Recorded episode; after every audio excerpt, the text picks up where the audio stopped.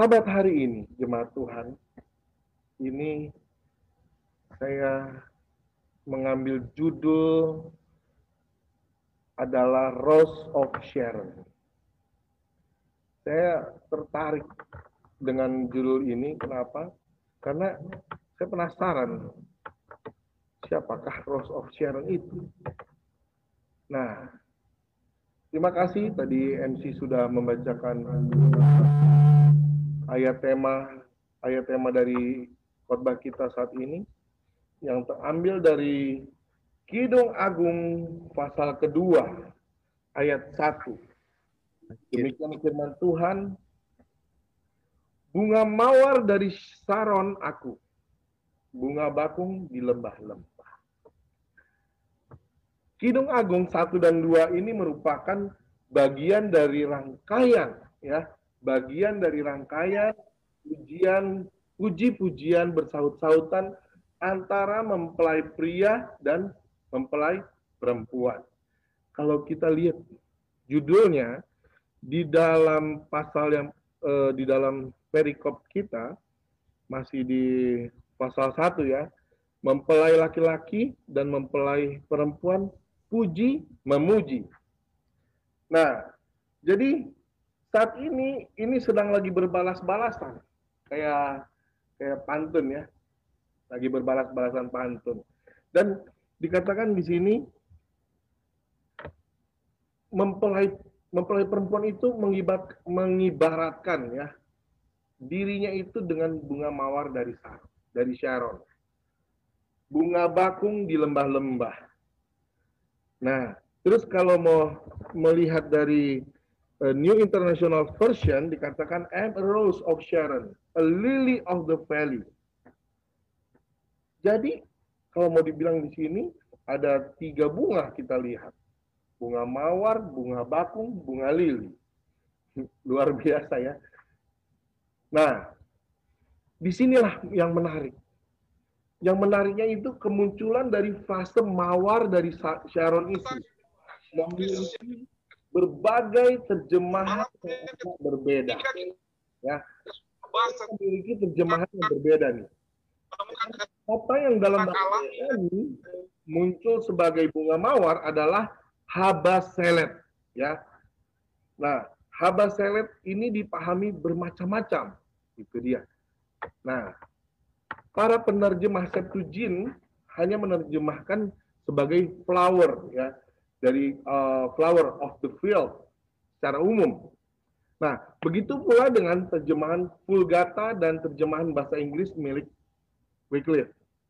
Nah, ada juga terjemahan yang memakai kata Narcissus dari CIE, TOB, dan Targum. Itu untuk memahami uh, habas seleb ini. Ya, saya minta maaf sama jemaat. Mungkin saat yang awal-awal uh, khotbah ini agak-agak mungkin agak-agak susah untuk dimengerti, tapi mari saya minta dengan dengan kasih kita percaya Tuhan dan Roh Kudus akan memimpin supaya jemaat boleh mengerti apa yang saya akan bicarakan. Ya, jadi saya akan uh, menjelaskan mengenai Mawar of Sharon. Nah, yang menarik di sini justru penerjemah atau editor, editor dari King James Version menerjemahkan Habaselet itu sebagai rose atau mawar ya. Jadi udah banyak ini namanya. Satu bunga tapi banyak namanya dan dikatakan gini. Dan akhirnya banyak dipakai oleh terjemahan bahasa Inggris lainnya. Jadi King James uh, apa penerjemah atau editor King James Version ini menerjemahkan Habaselet yang adalah rose ini sebagai rose, sebagai mawar. Dan ini akhirnya dipakai banyak dari penterjemah penterjemah bahasa Inggris lainnya. Nah, justru istilah mawar dari Sharon ini lebih populer dibanding alternatif terjemahan lainnya yang tadi saya sudah katakan.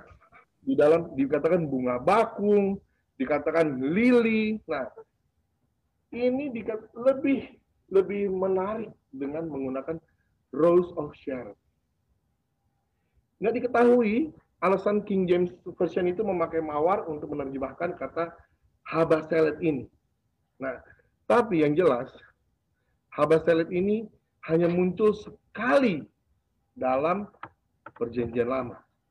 Yaitu di Yesaya 35 ayat 1 yang menggambarkan kemegahan eskatologis tanah Israel. Saya yakin yang sudah pernah ke Israel pasti bisa membayangkan. Wah, inilah dia Rose of Sharon. Lembah-lembah di mana bunga-bunga itu tumbuh. Dan dikatakan padang gurun dan padang kering akan bergirang. Padang belantara akan bersorak-sorak dan berbunga. Habaselet. Jadi, jenis apakah habaselet ini? Ya, jadi pertanyaannya. Nah, Jenis bunga habaselit ini adalah yang pertama dengan memahami paralel, paralel uh, paralelisme dari Ibrani dikatakan begini. Dapat dibentuk pemahaman yang berikut. Bunga mawar dari Sharon aku kata kata Kidung Agung dari Kidung Agung 2 ayat 1. Nah, bunga mawar kalau diparalelkan dengan bunga bakung. Jadi bunga mawar si habaselet diparalelkan dengan bunga bakung, sosana sama dengan sosana, yaitu bunga bakung. Dari saron aku di, di, diparalelkan dengan di lembah-lembah. Jadi bunga mawar dari saron, bunga bakung dari lembah di lembah-lembah. Jadi kalau dibilang bunga mawar paralel dengan bunga bakung, sedangkan Sharon paralel dengan lembah-lembah. Nah, ada satu catatan menarik tentang paralel, paralelisme ini antara bunga mawar yang habaselet dan bunga bakung yang dikatakan sosana. Dalam eh, tafsiran kitab, kitab Kidung Agung, Rabai eh, Yuda bertanya, tidakkah habaselet sama dengan sosana? Dan dijawab, ketika bunga itu masih muda, masih kuncup, dia disebut habaselet. Ya, masih kuncup disebut habaselet. Dan ketika bunganya mekar, muka bunganya mekar, mekar penuh, dia disebut dengan sosana. Saya eh, permudah. Ketika masih kuncup disebut mawar. Ya. Tapi begitu dia mekar penuh disebut dengan bakung. Jadi ada kemungkinannya habaselet itu sejenis lili atau bunga bakung. Sama dengan uh, terjemahan kita yang New International Version yang ini mengatakan di ayat bahasa Inggrisnya tadi yang sudah saya katakan tadi, lily of the valley. Ya. Nah, jadi dengan paralelisme yang seimbang ini antara Habeselet dengan Susana, jelas bahwa Rose of Sharon itu adalah sejenis lily itu pendapat yang pertama, ya. Pendapat yang kedua mengenai Habaselet, keterkaitannya dengan Sharon. Sharon itu adalah sebuah nama lokasi yang terletak antara Gunung Tabor dan Gunung Tiberia. Satu Tawari 5 ayat 16. Sharon dipahami sebagai tanah datar, ya. Tanah datar, begitu pula yang dipahami dari oleh eh, Septuagint dan Vulgata. Nah, Walaupun sekarang daerah itu sudah tidak ada lagi, namun di masa waktu di zaman kuno itu Sharon merupakan area yang jarang dihuni penduduk. Ya. Sharon itu jarang dihuni oleh penduduk karena merupakan daerah pertanian dengan bukit pasir dan rawa-rawa dan rawa-rawa. Dan yang yang mendominasi yang mendominasi uh, area ini adalah bunga yang dikategorikan pada saat itu maritim lili. Ya. Nah, jadi istilah habaselet hasaron yang muncul di Kidung Agung 2 ayat 1 ini muncul juga di Yesaya 35 ayat 1. Habaselet dan 35 ayat 2 hasaron. Jadi yang kedua, dengan demikian bunga habaselet ini identik dengan dataran hasaron. Itu dia kenapa dikatakan Rose of Sharon. Karena dia ting, uh, hidupnya itu ada di daerah pertanian yang bukit berupa bukit pasir dan rawa-rawa. ya, yang jarang dihuni penduduknya. Makanya dia identik dengan dataran Sharon atau Hasaron. Itulah yang kedua. Yang ketiga, dalam Alkitab nggak ada catatan tentang bunga mawar. Kecuali terjemahan-terjemahan Alkitab bahasa Inggris yang tadi saya katakan memunculkan Rose of Sharon. Ya, nah sampai di sampai sekarang sih memang belum diketemukan juga catatan. Kenapa sih King James King James King James Version memakai kata Rose, Rose of Sharon untuk menerjemahkan Habah Selet Hasaron ini. Tapi kemungkinannya King James Version mengambil dari terjemahan Aquila abad kedua sebelum Masehi. Yang menerjemahkan Habah Selet itu sebagai kalikosis atau kuntum bunga mawar ya. Ingat ya tadi ya, di saat dia kuncup dia disebut Habaselet. Dan atau dari Codex Venetus abad ke-8 mengatakan menerjemahkan Habaselet dengan mawar. Jadi yang ketiga dalam sejarah mawar baru dikenal di era Armenia atau Persia. Jadi dia dikenal mawar itu setelah di era Armenia atau Persia. Ini sejarahnya. Ya. Nah, kalau kita melihat dalam pasal sebelumnya, di pasal 1, dikatakan dalam Kidung Agung 1 ayat 5 sampai 7 mengatakan begini jemaat Tuhan. Memang hitam aku, tetapi cantik. Hai putri-putri Yerusalem. Seperti kemah orang Kedar, seperti tirai-tirang orang Salma. Janganlah kamu perhatikan bahwa aku hitam, karena terik matahari membakar aku putra-putra ibuku marah kepadaku, aku dijadikan mereka penjaga kebun-kebun anggur. Kebun anggurku sendiri tak kujaga. Nah, ayat 7. Ceritakanlah kepadaku jantung hatiku, di manakah kanda mengembalakan domba, di manakah kanda membiarkan domba-domba berbaring pada petang hari. Karena mengapa aku akan jadi serupa pengembara, dekat kawanan-kawanan domba teman-teman.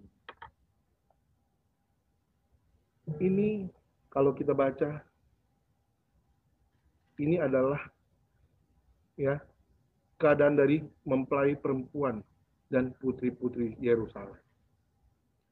Jadi saya menghimbau untuk jemaat kalau lagi ada waktu kosong, kalau lagi atau dalam lagi sedang renungan, lagi waktu senggang. Nah, khususnya ya suami istri kalau tidak lagi bersama dengan istri nih ya atau suami eh, atau istri tidak lagi eh, bersama dengan suami coba mari kita belajar dari pasal dari Kidung Agung ini untuk kita belajar memuji-muji pasangan kita mungkin kita orang yang kaku orang yang kaku untuk memuji pasangan kita nah Alkitab menyediakan jemaat Tuhan Alkitab menyediakan Bagaimana kita memuji pasangan kita? Bagaimana kita membuat pasangan kita itu berdebar-debar, merasakan pujian kita. Alkitab mengajarkan bagaimana kita memuji pasangan kita sehingga senyum sumringah. Nah, itu dia makanya saya bilang kalau ada waktu bagi suami atau bagi istri di saat sedang tidak bersama, coba kita belajar. Nah, kalau dalam rumah tangga, haruslah suami dan istri melakukan hal ini. Saling memuji. Saya yakin jemaat Tuhan, wargamu akan berbahagia. Ya, Karena saling memuji, saling memberkati, itu akan tercipta suasana keluarga seperti di surga. Di saat istri memasak, katakan enak sekali makanan ini. Ya. Atau di saat berdandan. Saya saya akui kadang-kadang kalau di saat berdandan apalagi di saat mau pergi ke ke ke gereja ataupun ke sesuatu suatu acara. Terkadang memang eh, ibu-ibu itu kalau berdandan lebih lama. Nah coba kita atur waktu kita atau coba kita atur, uh, kita bicara dengan istri kita untuk ada kesepakatan. Supaya di saat kita bersiap-siap, istri pun juga sudah bersiap-siap. Ini bagi kaum bapak ya, karena pengalaman saya juga. Supaya istri bisa siap di waktu yang pas, mari kita bicarakan bagaimana cara. Saya yakin ada jalan keluar sini. Dan bagi bagi istri-istri, dikala suami mau ke kantor atau mau ke lain, coba di saat suamimu memakai pakaian, pujilah dia.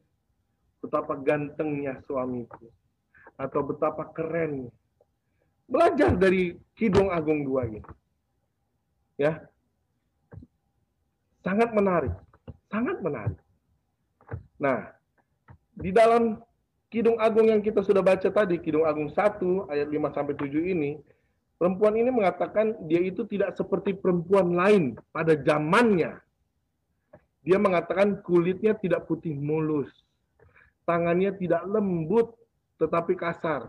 Karena dia juga mengurus kebun anggur keluarga. Dan dia itu tidak disayangi oleh keluarganya. Dia berkulit hitam tapi cantik.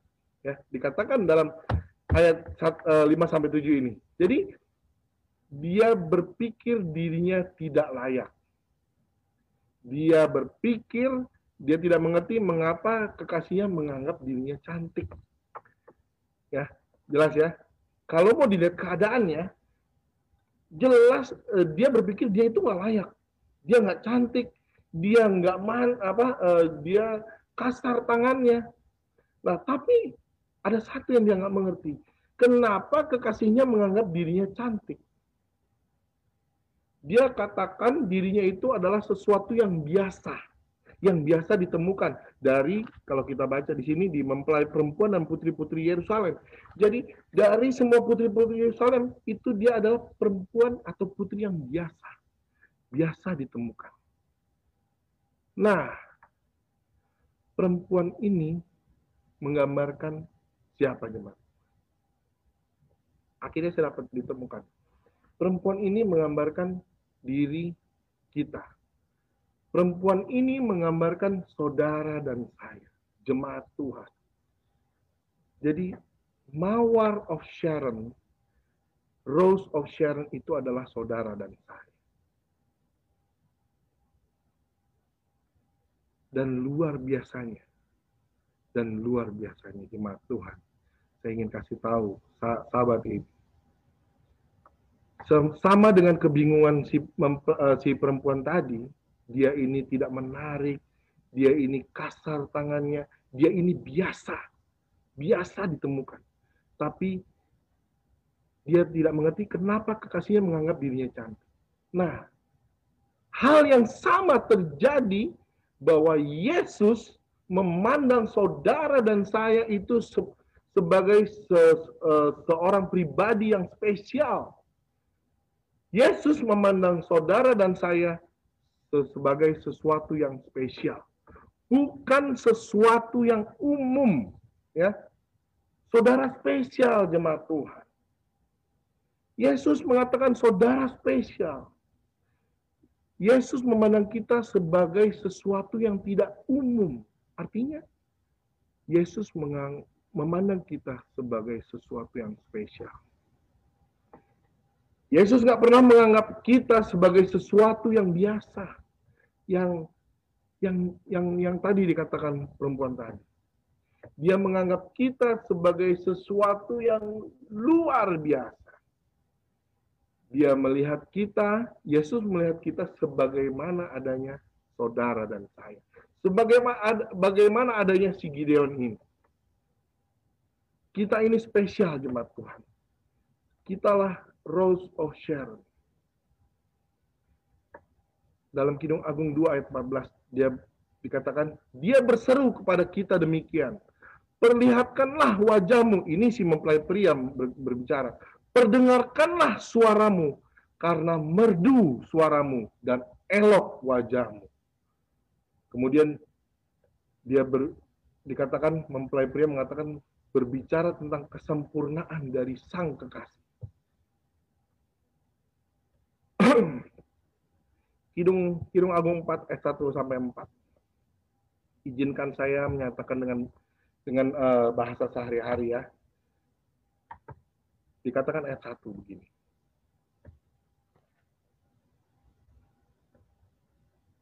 Betapa cantiknya engkau cinta. Betapa cantiknya. Matamu di balik telekungmu bagai merpati. Kamu dalam bahasa sehari-hari, Anda, saudara dan saya adalah pemandangan indah bagi mata yang sakit. Dikatakan begini, rambutmu bagaikan kawanan kambing yang turun dari pegunungan Gilead. Jadi apa artinya? Rambut rambut gadis-gadis itu seperti rambut gadis dalam iklan shampoo. Dan kalau diputar-putar begini, dia akan lurus, ya. Kalau diputar begini, dia akan begi apa berkibas begitu. Jadi hargai apa yang ada pada dirimu bagi para wanita. Ayat kedua mengatakan begini. Gigimu bagaikan kawanan domba yang baru saja dicukur yang keluar dari tempat pembasuhan. Bayangkan, dikatakan gigimu bagaikan kawanan domba yang baru dicukur. Putih sempurna. Bayangkan jemaat Tuhan iklan iklan dari Pepsodent.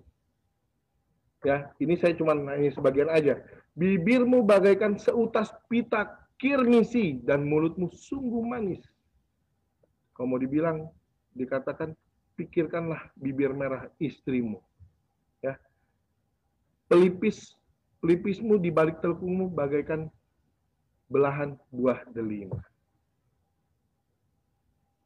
Tidak ada cacat celah padamu.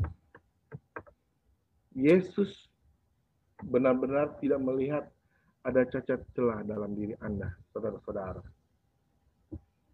Rasul Paulus juga mengatakan hal yang sama.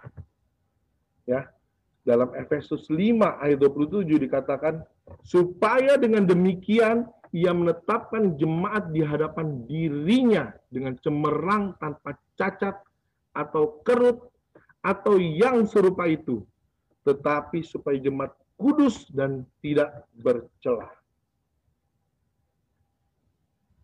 Salomo sebagai penyair menyatakan demikian. Kidung Agung 4 ayat 9. Engkau telah mencuri hatiku, Dinda pengantinku. Engkau telah mencuri hatiku dengan satu kejapan matamu, dengan satu permata dari perhiasan lehermu. Kalau dalam versi saya mengatakan begini, Yesus jatuh cinta kepada kita pertama kali di saat dia memandang kita. Yesus jatuh cinta kepada Anda pertama kali di saat dia memandang saudara lihat cara Yesus mengasihi Anda. Cara Yesus mengasihi saudara bukan sebagai sesuatu yang biasa, ya, tetap, tetapi sebagai sesuatu yang kudus, yang tidak bercelah. Keindahan bunga mawar, mawar Sharon dipuji oleh Tuhan Yesus sebagai gambaran sosok yang tidak khawatir akan kebutuhan harta duniawi. Ya, ini keindahan bunga mawar ya. Tuhan Tuhan sedang puji ini. Kecantikannya itu diperbanding yang ke, kecantikannya diperbandingkan dengan jubah mahal Salomo. Kalau kita baca lagi dalam Kidung Agung dan Tuhan Yesus menyatakan bunga bakung itu lebih indah. Penggambaran diri sebagai bunga bakung di padang yang pada pertumbuhannya tidak memerlukan perawatan. Demikianlah gadis itu menggambarkan dirinya masih seperti yang dulu. Ya. Kalau saudara pernah baca tentang gadis sulam, dia diangkat dari tempat yang tidak layak kepada tempat yang layak. Hidup di dalam uh, lingkungan kerajaan. Hidup di dalam lingkungan uh, istana. Meskipun gadis sulam ini ditempatkan di dalam lingkungan kerajaan di dalam situasi suasana istana. Tapi gadis sulam ini tetap tidak berubah. Ya, dia tidak terpengaruh dengan lingkungan kerajaan. Gadis sulam ini menyatakan kepada sang kekasihnya bahwa dirinya nggak berubah. Kidung Agung 2 ayat 1. Gadis sulam membandingkan dirinya dengan bunga-bunga liar yang sederhana di padang-padang rumput karena ia tidak terbiasa dengan segala kemewahan yang ada di Yerusalem. Dia tidak terpengaruh oleh suasana istana. Korelasinya jemaat Tuhan. Tuhan Yesus itu merujuk kepada kemurnian si gadis sulam.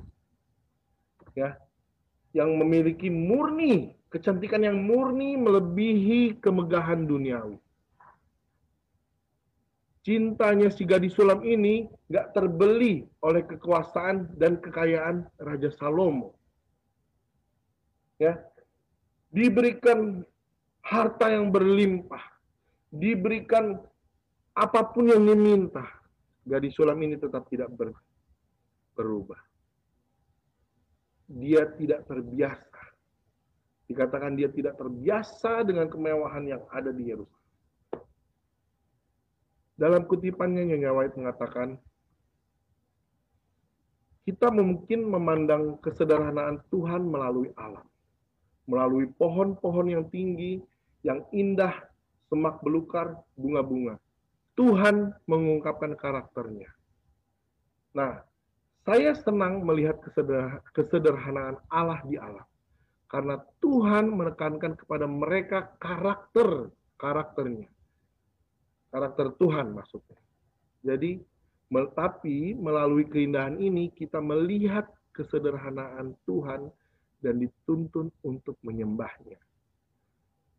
Biarlah pelayanan kasih yang indah ini menjawab tujuan Tuhan dan menarik hati kita kepadanya untuk dipenuhi dengan keindahan karakter Tuhan dan mengagumi kebaikannya, mengagumi belas kasihannya, cintanya yang tak terungkap. Dikutip dari This Day, This Day with God, halaman 241, paragraf yang keempat. Jadi, jelas dari yang sudah kita dengar, sebagai mawar dari Sharon, ada dua hal yang harus kita lakukan. Yang pertama, bersuka cita dan berbahagia dalam segala keadaan kita. Kenapa? Karena sukacita dunia itu semu. Kita harus sama seperti gadis sulam tadi. Hidup di dalam kemegahan istana, kemegahan kerajaan. Tapi tetap sederhana. Karena apa? Karena sukacita dunia itu semu jemaat Tuhan. Sukacita Tuhan kekal. Rasul Paulus menuliskan begini. Dalam Filipi 4 ayat 4 dikatakan, Bersukacitalah senantiasa dalam Tuhan. Sekali lagi kukatakan, bersukacitalah. Nah, sukacita dan kelegaan sejati itu hanya ada di dalam Yesus. Ya, Matius 11 ayat 28. Marilah kepadaku semua yang letih lesu dan berbeban berat. Aku akan memberikan kelegaan kepadamu. Dan sukacita kita cuma dapatkan di dalam Yesus. Kalau mata kita tidak tertuju kepada kepada besarnya masalah, ya, besarnya masalah itu membuat kita sering kali sering kali membuat mata kita tertuju kepada masalah tersebut. Seringkali besarnya eh, problema membuat kita lebih fokus pada pergumulan, pada problema itu. Tapi di saat kita bersuka cita di dalam Yesus, ya, mata kita tertuju kepada Yesus, sukacita kita akan dapatkan.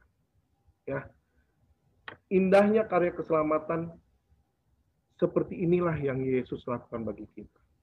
Di saat saudara mengalami pergumulan, di saat saudara mengalami pencobaan yang besar, engkau bersuka cita di dalam Yesus. Itulah karya keselamatan yang Yesus lakukan. Lukas 2 ayat 30. Sebab mataku telah melihat keselamatan yang daripada Itulah yang harus kita lakukan. Yang pertama, bersuka cita dan berbahagia dalam segala keadaan kita. Yang kedua, mari kita memiliki kerendahan hati. Kenapa? Karena Yesus pun yang adalah anak Allah. Ya. Saya langsung aja contohnya kepada Yesus. Yesus rela menjadi sama dengan manusia, mengosongkan dirinya, merendahkan dirinya sampai mati. Boleh, saudara boleh baca dalam Filipi 2 ayat 5 sampai 8. Dan ciri hidup cara cara hidup Tuhan itu adalah kesederhanaan. Kenapa saya bisa bilang cara hidup Tuhan itu sederhana? Lukas 2 ayat 12. Kelahiran Yesus di kandang domba. Ya. Matius 8 ayat 20. Nyaris miskin dan tidak memiliki apa-apa. Markus 15 ayat 27. Matinya Yesus berada di antara para penjahat. Markus 15 ayat 46. Dikubur pada kuburan milik orang. Tapi dikatakan begini. 2 Korintus 8 ayat 9. Ia miskin supaya kita kaya di dalam dia. Matius 11 ayat 29. Ia Yesus menyuruh kita meneladani kerendahan hati yang ia miliki sebagai Rose of Sharon.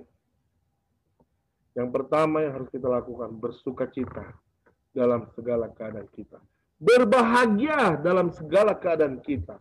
Apakah itu sakit, apakah itu sedang tertekan, apakah itu sedang dalam eh, sesu, dalam situasi yang tidak mungkin, tetap harus bersuka cita dan berbahagia.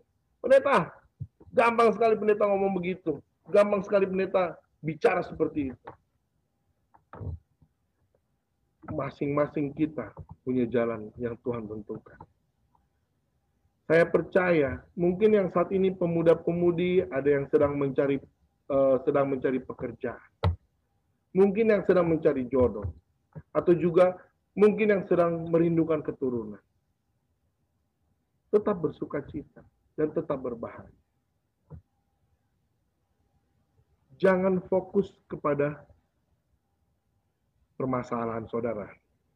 Tapi fokuslah kepada Yesus. Itu yang Yesus katakan. Yang kedua, miliki kerendahan hati. Di saat kita memiliki kerendahan hati, kita bisa bersyukur. Di saat kita memiliki kerendahan hati, kita bisa bersuka cita. Dalam dalam segala situasi dan keadaan apa pun. Senang atau susah tetaplah menjadi pribadi yang baik. Sama seperti gadis sulam. Tidak berubah mengikuti keadaan di sekitar saudara dan Kalau memang baik, biasanya seorang itu akan tetap menjadi baik. Jaga pergaulan saudara.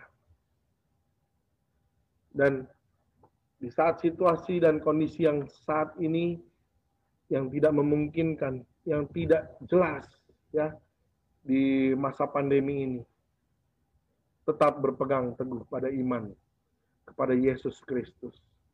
Tetap berpegang pada kebenaran. Mungkin engkau bergumul untuk suamimu, mungkin engkau bergumul untuk istrimu, untuk anakmu, untuk usahamu, untuk pelayananmu. Tetap pegang teguh pada iman tetap berpegang pada kebenaran. Ya. Pertahankan imanmu. Selalu menjadi rendah hati. Bukan rendah diri ya, rendah hati, bukan rendah diri. Di saat kita rendah hati, kita bisa bersyukur. Di saat kita bisa bersyukur, kita bisa menikmati berkat Tuhan. Menikmati berkat Tuhan di saat situasi senang atau susah banyak orang bisa mengucap syukur hanya pada saat dia memiliki uang yang banyak. Pada saat dia dalam situasi yang nyaman. Ya.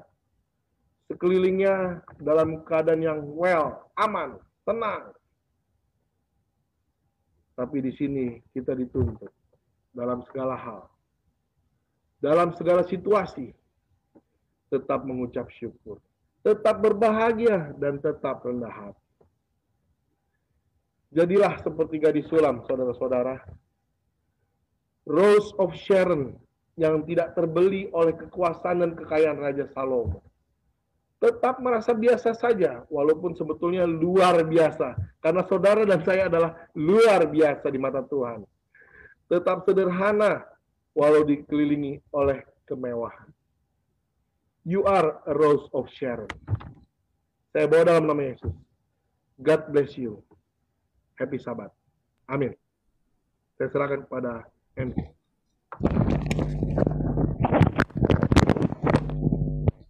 Ya, amin. Terima kasih pendeta. Puji Tuhan atas firman yang telah dibawakan tadi bahwa kita adalah Rose of Sharon, kita berharga di mata Tuhan. Oleh sebab itu kita harus bersyukur senantiasa dan rendah hati. Kita yakin dan percaya, eh, saya yakin dan percaya kita semua merasa terberkati oleh firman yang telah dibawakan tadi. Baiklah untuk mengaminkan firman Tuhan, saya mengundang kembali Pastor Gideon untuk membawakan doa berkat.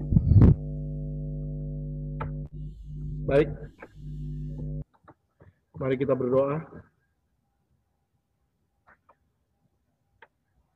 Kami mengucap syukur Tuhan untuk pagi hari sabat ini, di mana kami boleh dikuatkan lagi dalam melalui firman Tuhan. Kami boleh diberikan lagi Tuhan pelajaran yang baru. Kami berharga di mata Tuhan. Kami ber, kami spesial di matamu. Terima kasih Tuhan. Terima kasih Bapak. Kami tahu semua ini cuma karena semua ini adalah karena cinta Tuhan di dalam kehidupan kami. Sebagai ciptaanmu Tuhan, kami rindu untuk memuji dan memuliakan nama Tuhan. Kami rindu Tuhan dalam kehidupan kami boleh digunakan untuk kemuliaan dan kebesaran, kebesaran nama Tuhan. Sehingga melalui kehidupan kami, orang-orang yang ada di sekitar kami, orang-orang yang kami temui, mereka boleh melihat betapa luar biasanya Tuhan kami.